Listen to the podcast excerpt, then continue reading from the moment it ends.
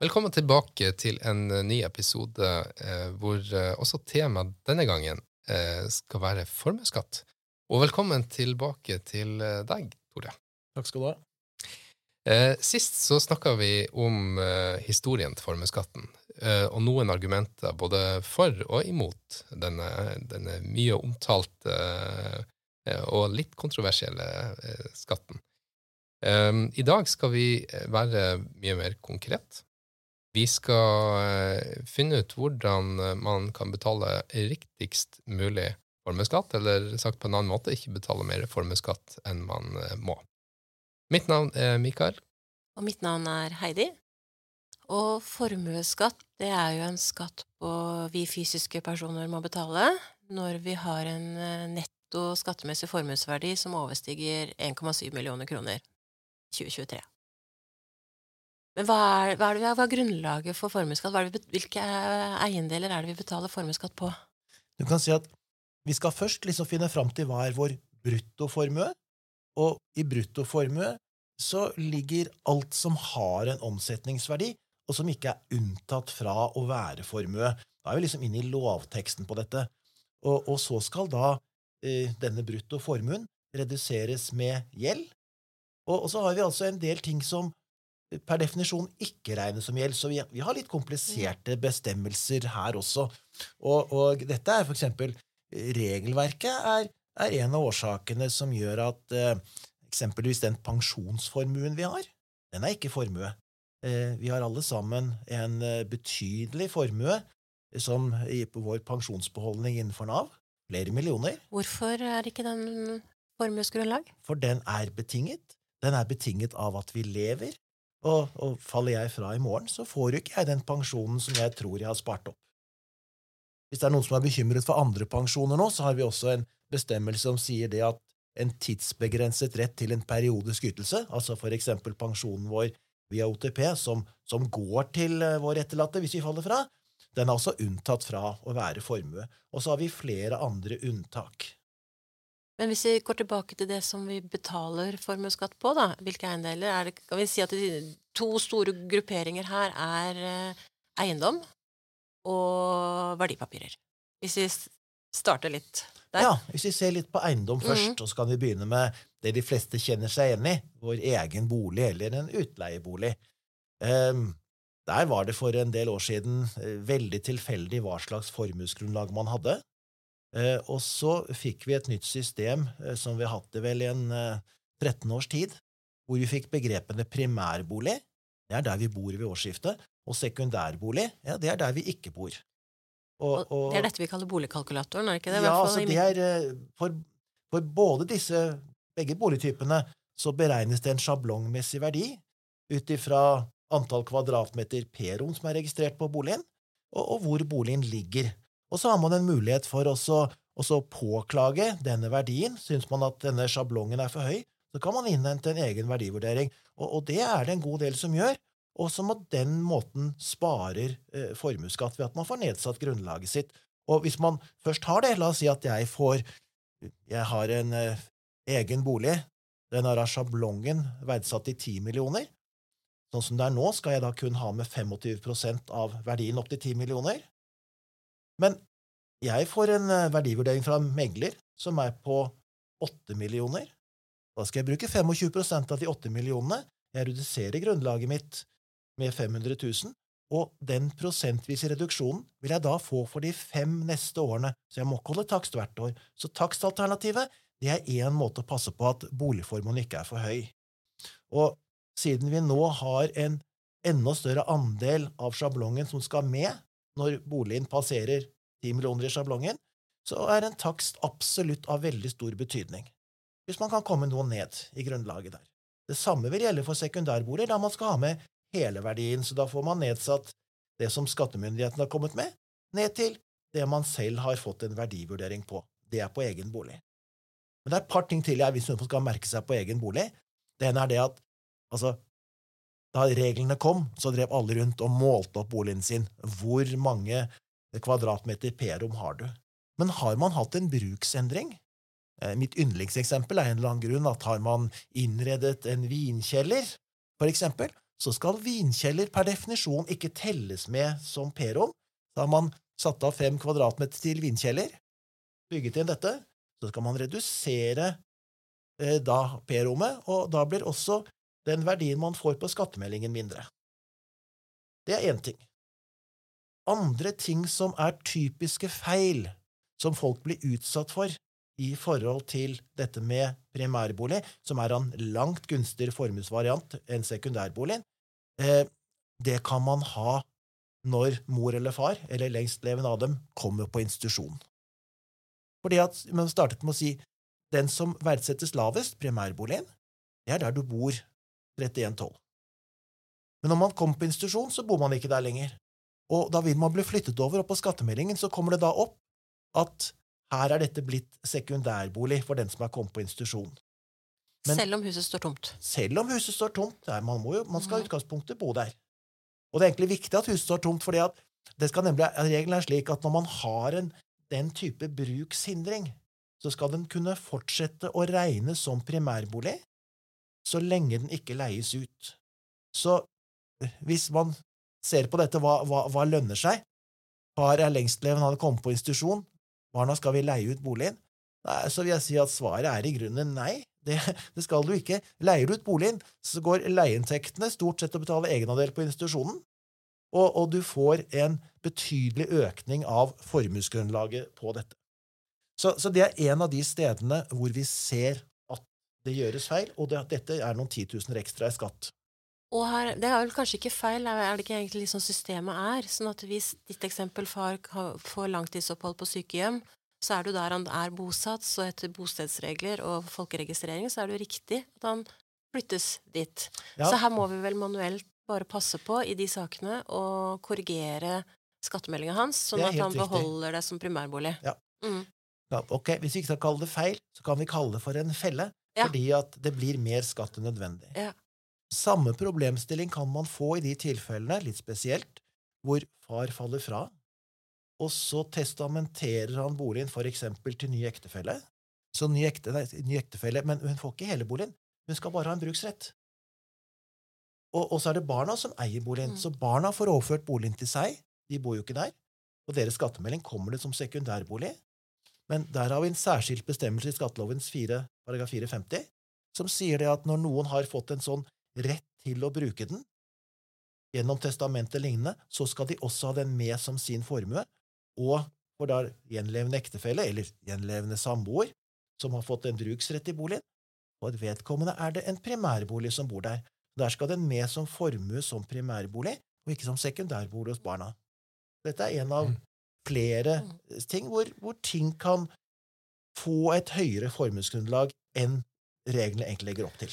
Og dette blir jo så viktig, fordi det er jo primærboligen av alt vi eier. I skatt, med skattebriller så er jo det objektet vi har størst rabatt på innenfor formuesskatt. Det, Soleklart. Det er det. Ehm, For sekundærboligen er det jo ingen rabatt på. Nei. Takstalternativet er der. Og skal vi over på den type ting som næringsbygg, så har vi denne rabatten på arbeidende kapital på, på 20 Eh, Og der er også takstalternativet veldig godt, så det er nok flere med næringsbygg som, eh, som eh, burde avholde takst. Nå kan jo de som sitter med næringsbygg, eh, enten de har det eh, direkte eiet hos seg, eh, glede seg over at eh, det blir en reduksjon av formuesgrunnlaget på næringsbygg som en følge av reglene, men det er såpass teknisk at det skal vi ikke Mm. gå sånn i dybden på. Men en annen kategori eiendom vi ikke har snakket om, er jo hytter. Ja. Og der, eh, der lever de gamle reglene eh, i dårligste orden, fordi at eh, hver gang jeg ser på hvordan ligningsverdier for fritidsboliger er, så, så lurer jeg på om dette er noe som ble fastsatt, hvis det er noen som husker det gamle programmet Joker Nord, hvor tallene spratt fram og tilbake. Eh, Det er fryktelig tilfeldig. Regelverket er slik at hvis du bygger en ny fritidsbolig, så skal du bruke 30% av kostnadene på den skal være din ligningsverdi. Hvis du kjøper en brukt fritidsbolig, så skal du overta tidligere eiers ligningsverdi. Og resultatet av en sånn ordning har medført at de som har fritidsboliger som ble bygget, eh, jeg vil si sånn eh, tidlig på 80-tallet og før, har en veldig lav ligningsverdi. Fritidsboliger som er fra eh, før 70-tallet, der ligger ligningsverdiene mellom 2 og 10 prosent av virkelig verdi. Så en investering i en dyr fritidsbolig det kan være uh, usedvanlig gunstig i forhold til det formuesmessige, om man ser på det. Får vel egentlig tilføye at uh, det kan også investering i en egen bolig, fordi at uh, selv om vi har en sjablong som er bedre enn det vi hadde, så har vi et system som ikke på noen måte fanger opp standard på boligen, hvor stort tomt det er. Det er enorm forskjell. Har du tomt på 10 mål, 20 mål, eller på et halvt mål, det er klart det påvirker jo verdien. Eh, og har du sjøtilgang, fantastisk utsikt, så er det noe helt annet enn å, ligge eh, med naboer tett innpå deg i, en skygge. Så, systemet vårt i dag er jo også ikke så spesielt godt, og det så vi jo for eksempel nå som da eh, frøken Andresen har kjøpt seg bolig på Bygde til 585 millioner. Eh, ligningsverdien på den boligen kommer til å være veldig lav. Den, eh, den, kommer til å ha en ligningsverdi, om jeg skulle tippe, eh, så er det under 30. Tror du det kommer noen endringer på dette her? Ja, igjen, det er så mye lettere å, å kritisere. Eh, men du skal jo ha et system som skal ha en helhet, og, og som ikke skal være laget ut ifra enkelttilfeller. Og at enkelte kan komme godt ut, det, det er ikke nok til å torpedere et helt regelverk. Men, men, tilbake til hyttene, da. Ja. Så var det gamle hytter, nye hytter Altså hytter i seg selv har jo stor rabatt. De fleste. De fleste. Ja. Eh, men så forklarer du at eh, gamle hytter, der lever vi på litt gamle Joker Nord-ligningsverdier. Og nybygde hytter så følger det jo tak mer takseringsgrunnlaget. Altså, vi ser jo tilfeller med hytter som selges for over 20 millioner, som har en ligningsverdi på under 400 000. Det er gamle hytter som har fått fastsatt en lav verdi en gang i tiden, eh, og så har den bare ligget der, og, og, og den skal følge hytta videre med. Og eh, nå er dette heldigvis tilbake på plass i skattemeldingen, men, men for, eh, for, to år siden så var det slik at da spurte skattemyndighetene om hva var verdien på hytta, så la de inn 30% Siste skattemeldingen for 22 så er det tilbake til at har du kjøpt den fra andre, så spør de etter deres ligningsverdi. Men her har vi vel venta på regelendringer egentlig noen år nå? Ja da, det skal komme. Det skulle komme si det. i 2018. Eh, det kom ikke. Det skulle komme i 24. Og nå har man sagt det skal komme i 25. Så man jobber med et sånt uh, selvlærende system hvor det skal ligge så mye faktorer. Hensikten med systemet er at fritidsboliger skal ligge på 25% av en omsetningsverdi. Uh, og, og, og ligger du for høyt, så skal du klage. Så det kan godt være at dette vil være en, i en betydelig større likebehandling, da. Det mm. er det, men det, det, blir jo et, eh, altså, det, det, blir jo et omfattende system for å få inn kanskje relativt begrenset med formuesskatt. Så dette med kost-nytte det er alltid interessant. Det bør være et av de spørsmålene som man stiller seg der også. Men her er det såpass store ulikheter. Jeg tror kanskje det kan være et uh, godt argument for å uansett da, å innføre at den regelen kommer. Men får vi denne regelen, så er det noe som skal gjelde for norske fritidsboliger. Det betyr at de fritidsboligene som er i utlandet, og som skal egentlig ha tilsvarende verdier som i Norge, det vil si gamle, skal ha lave verdier, eh, så kommer den forskjellen til å eksistere, hvor de norske eh, boligene kan ha høyere formuesverdi enn tilsvarende eiendom i utlandet. Så dette er ikke lett å få til. prøve å oppsummere litt eiendom, da, så, så, er jo dette ligningsverdier som kommer automatisk inn i skattemeldinga til alle sammen. Ja. Men hvis jeg forstår, forstår deg rett, så er det allikevel følg litt med? Ja, altså takstalternativet, det å få to linjer fra en megler, kan mm. være et godt råd. Og så passe på de to tilfellene med foreldre på institusjon. Hvordan er det når man skiller eiendomsretten og bruksretten etter et, eller i forbindelse med et arveoppgjør. Mm. Det, det, vil være veldig gode råd å ta mm. med seg. Skal vi flytte oss over til uh, verdipapirer, da? Det kan vi gjøre. Der uh, er det jo slik at vi har en, en liten formuesrabatt på aksjer, som vi ikke har på uh, renteplasseringer.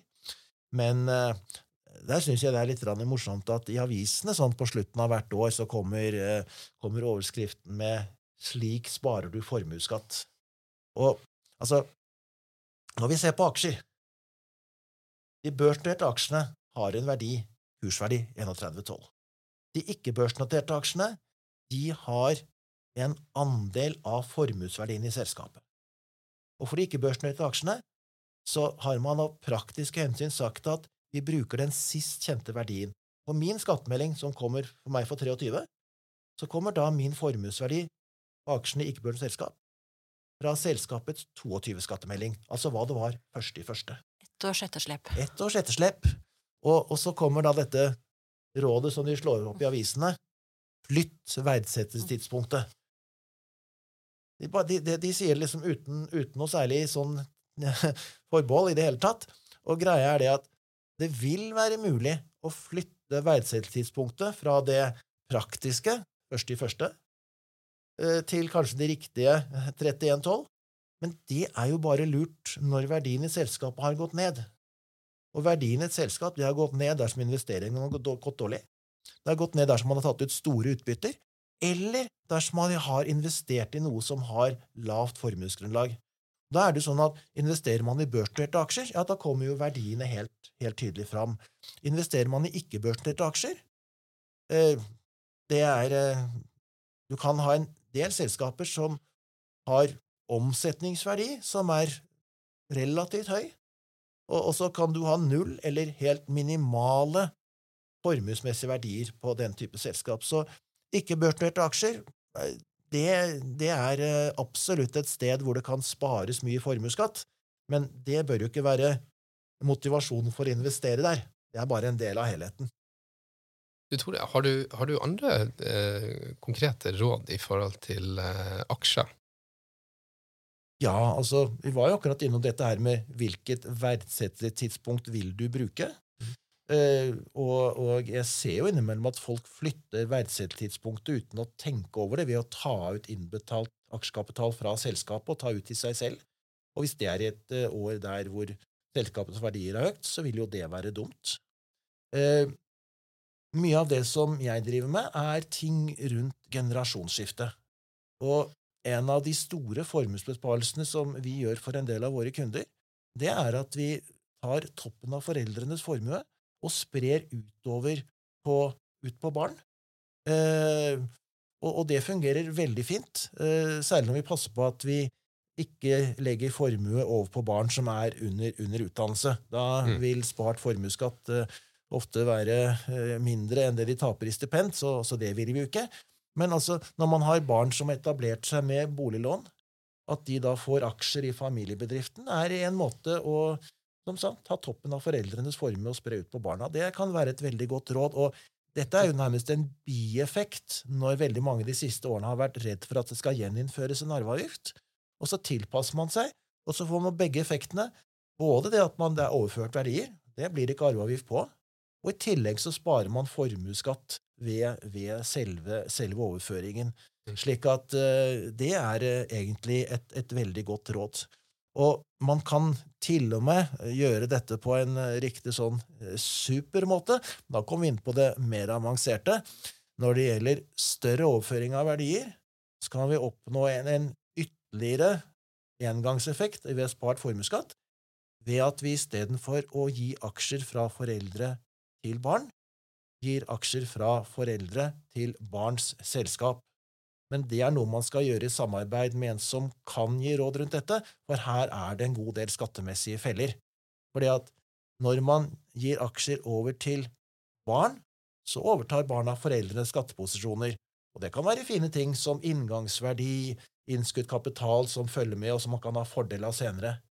Hvis man legger det over i barns selskap, så vil de verdiene forsvinne.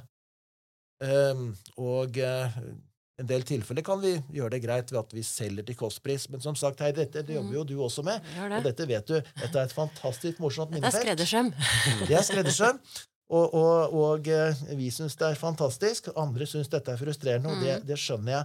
Men som sagt, vi har ofte kunnet da, i en sånn generasjonsskifteprosess, både få fordelingen av formue, som gir en besparelse over flere år, samt engangseffekten at hele gaveelementet ikke er med i formuesgrunnlaget for ett enkelt år. Så her er det absolutt, er eh, absolutt noe som kan gjøres. Mm. Mm. Og så er det vel, eh, eh, som du er så vidt inne på, at én transaksjon kan være gunstig for én skatt, eh, ikke nødvendigvis for det totale skattebildet. Så det, det å, å ja, ta hensyn til, til uh, formuesskatt er én ting, men at du gjør en helhetlig vurdering før du foretar deg uh, konkrete ja. tilpasninger. Rikard, der er du så heldig, for her har du advokatkontor, så dette er utrolig spennende. Og dette er noe av det morsomste vi vet. Vi gleder oss over den type kunder som kommer med dette. Ja, jeg vet.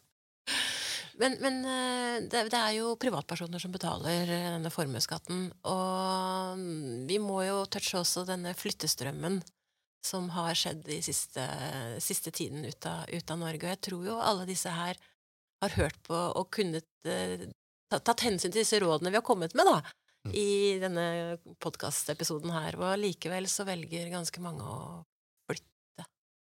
Der er du, det er dramatisk. Ja, du må, du må, liksom se på hvem er det som skal betale formuesskatt i Norge. Og, og du nevner altså de som ønsker å flytte ut.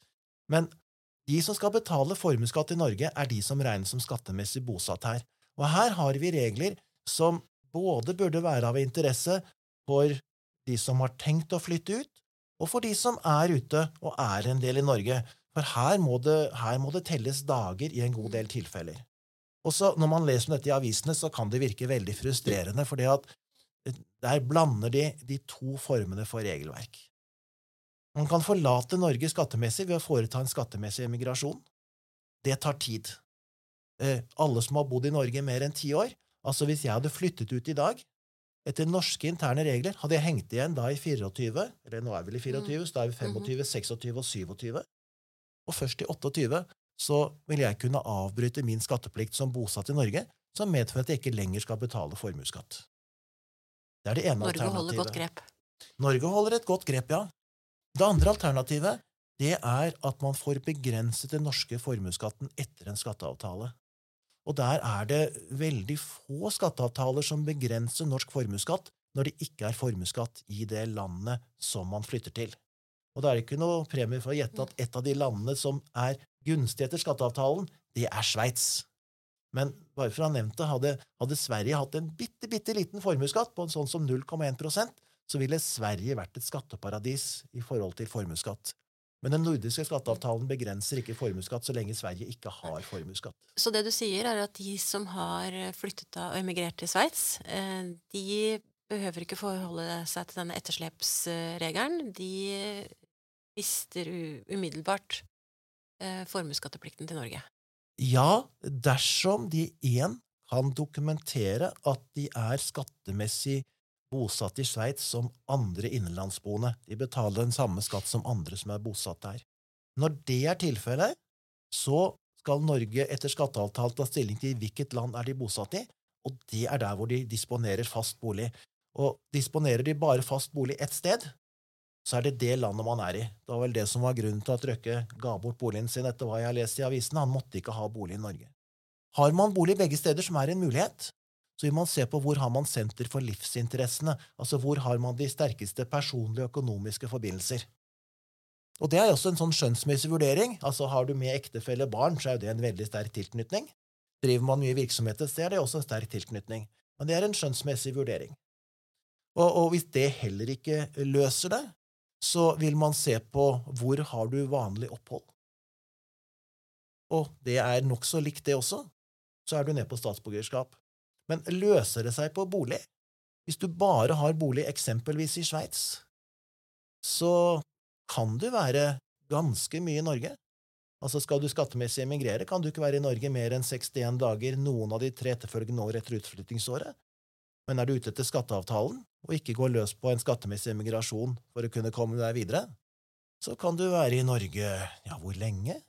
Kan kanskje være i Norge en betydelig andel av året. Du må bare passe på at du fortsatt er å regne som skattemessig bosatt i det landet hvor du mener du vil bo. Men det er vel ingenting i veien for at du er halve året i Norge, er her på fritidsbolig. Det burde gå. Gjør en god del business her. Du har bare bolig i utlandet. Men det er klart at det er, det er, det er jo, man må jo passe på å ikke eh, trekke disse grensene altfor mye. Uh, og så er det jo tilsvarende når du først har kommet ut, når du først har emigrert, da, som en rekke pensjonister har gjort, som en del uh, fotballspillere har gjort, så må du telle dager veldig nøye når du er i Norge, så du ikke går på en liten smell sånn som Karev gjorde, som ikke var god nok til å telle At man da hadde man fått en skatteplikt som oppsto igjen. Og Der har vi andre måter å telle på. Ikke sant? Hvis du er ute, har emigrert, ja, så kan du ikke være i Norge mer enn 183 dager i løpet av en 12-månedersperiode, eller 270 dager i løpet av en 36-månedersperiode. Så um, her må du ha med kuleramme og notere hvor du er til enhver tid når du nærmer deg disse grensene. Men jeg syns det blir spennende å se fremover om denne flyttestrømmen eh, fortsetter. Eh, om vi det mm. det er én ting om flyttestrømmen fortsetter, og så snakker vi da om dette store ankepunktet mot formuesskatten. Den tilliten, den tilliten som vi har mistet til et norsk stabilt system, for den er ikke bygd opp i løpet av veldig kort tid.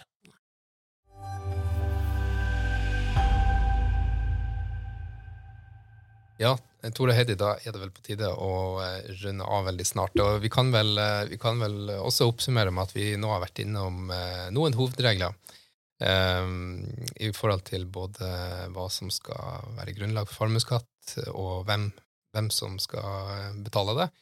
Og noen konkrete eksempel på hvordan du kan ja, betale riktig formuesskatt, eller ja, ikke mer enn du må. Eh, og samtidig eh, en liten, eh, liten, påminnelse om at gjør gjerne disse vurderingene sammen med en fagperson. For hvert tilfelle er ofte individuelt. Det har du så rett i, Mikael, fordi at vi har skrapet litt på overflaten. Vi har sendt folk i, i riktig retning, men virkeligheten kan være så sammenfatt, eller sammensatt, sånn at mm. litt faglig hjelp mm. du, du gjør det ikke uten. Da, det var en uh, fin uh, closing remark. Uh, da sier vi tusen takk til deg, Tore, for at du var med oss. Og gjenhør, alle sammen. Innholdet i denne podkasten skal ikke anses som investeringsrådgivning. Du kan lese full disclaimer under informasjon til denne episoden, eller på soderbergpartners.no slash investert podkast.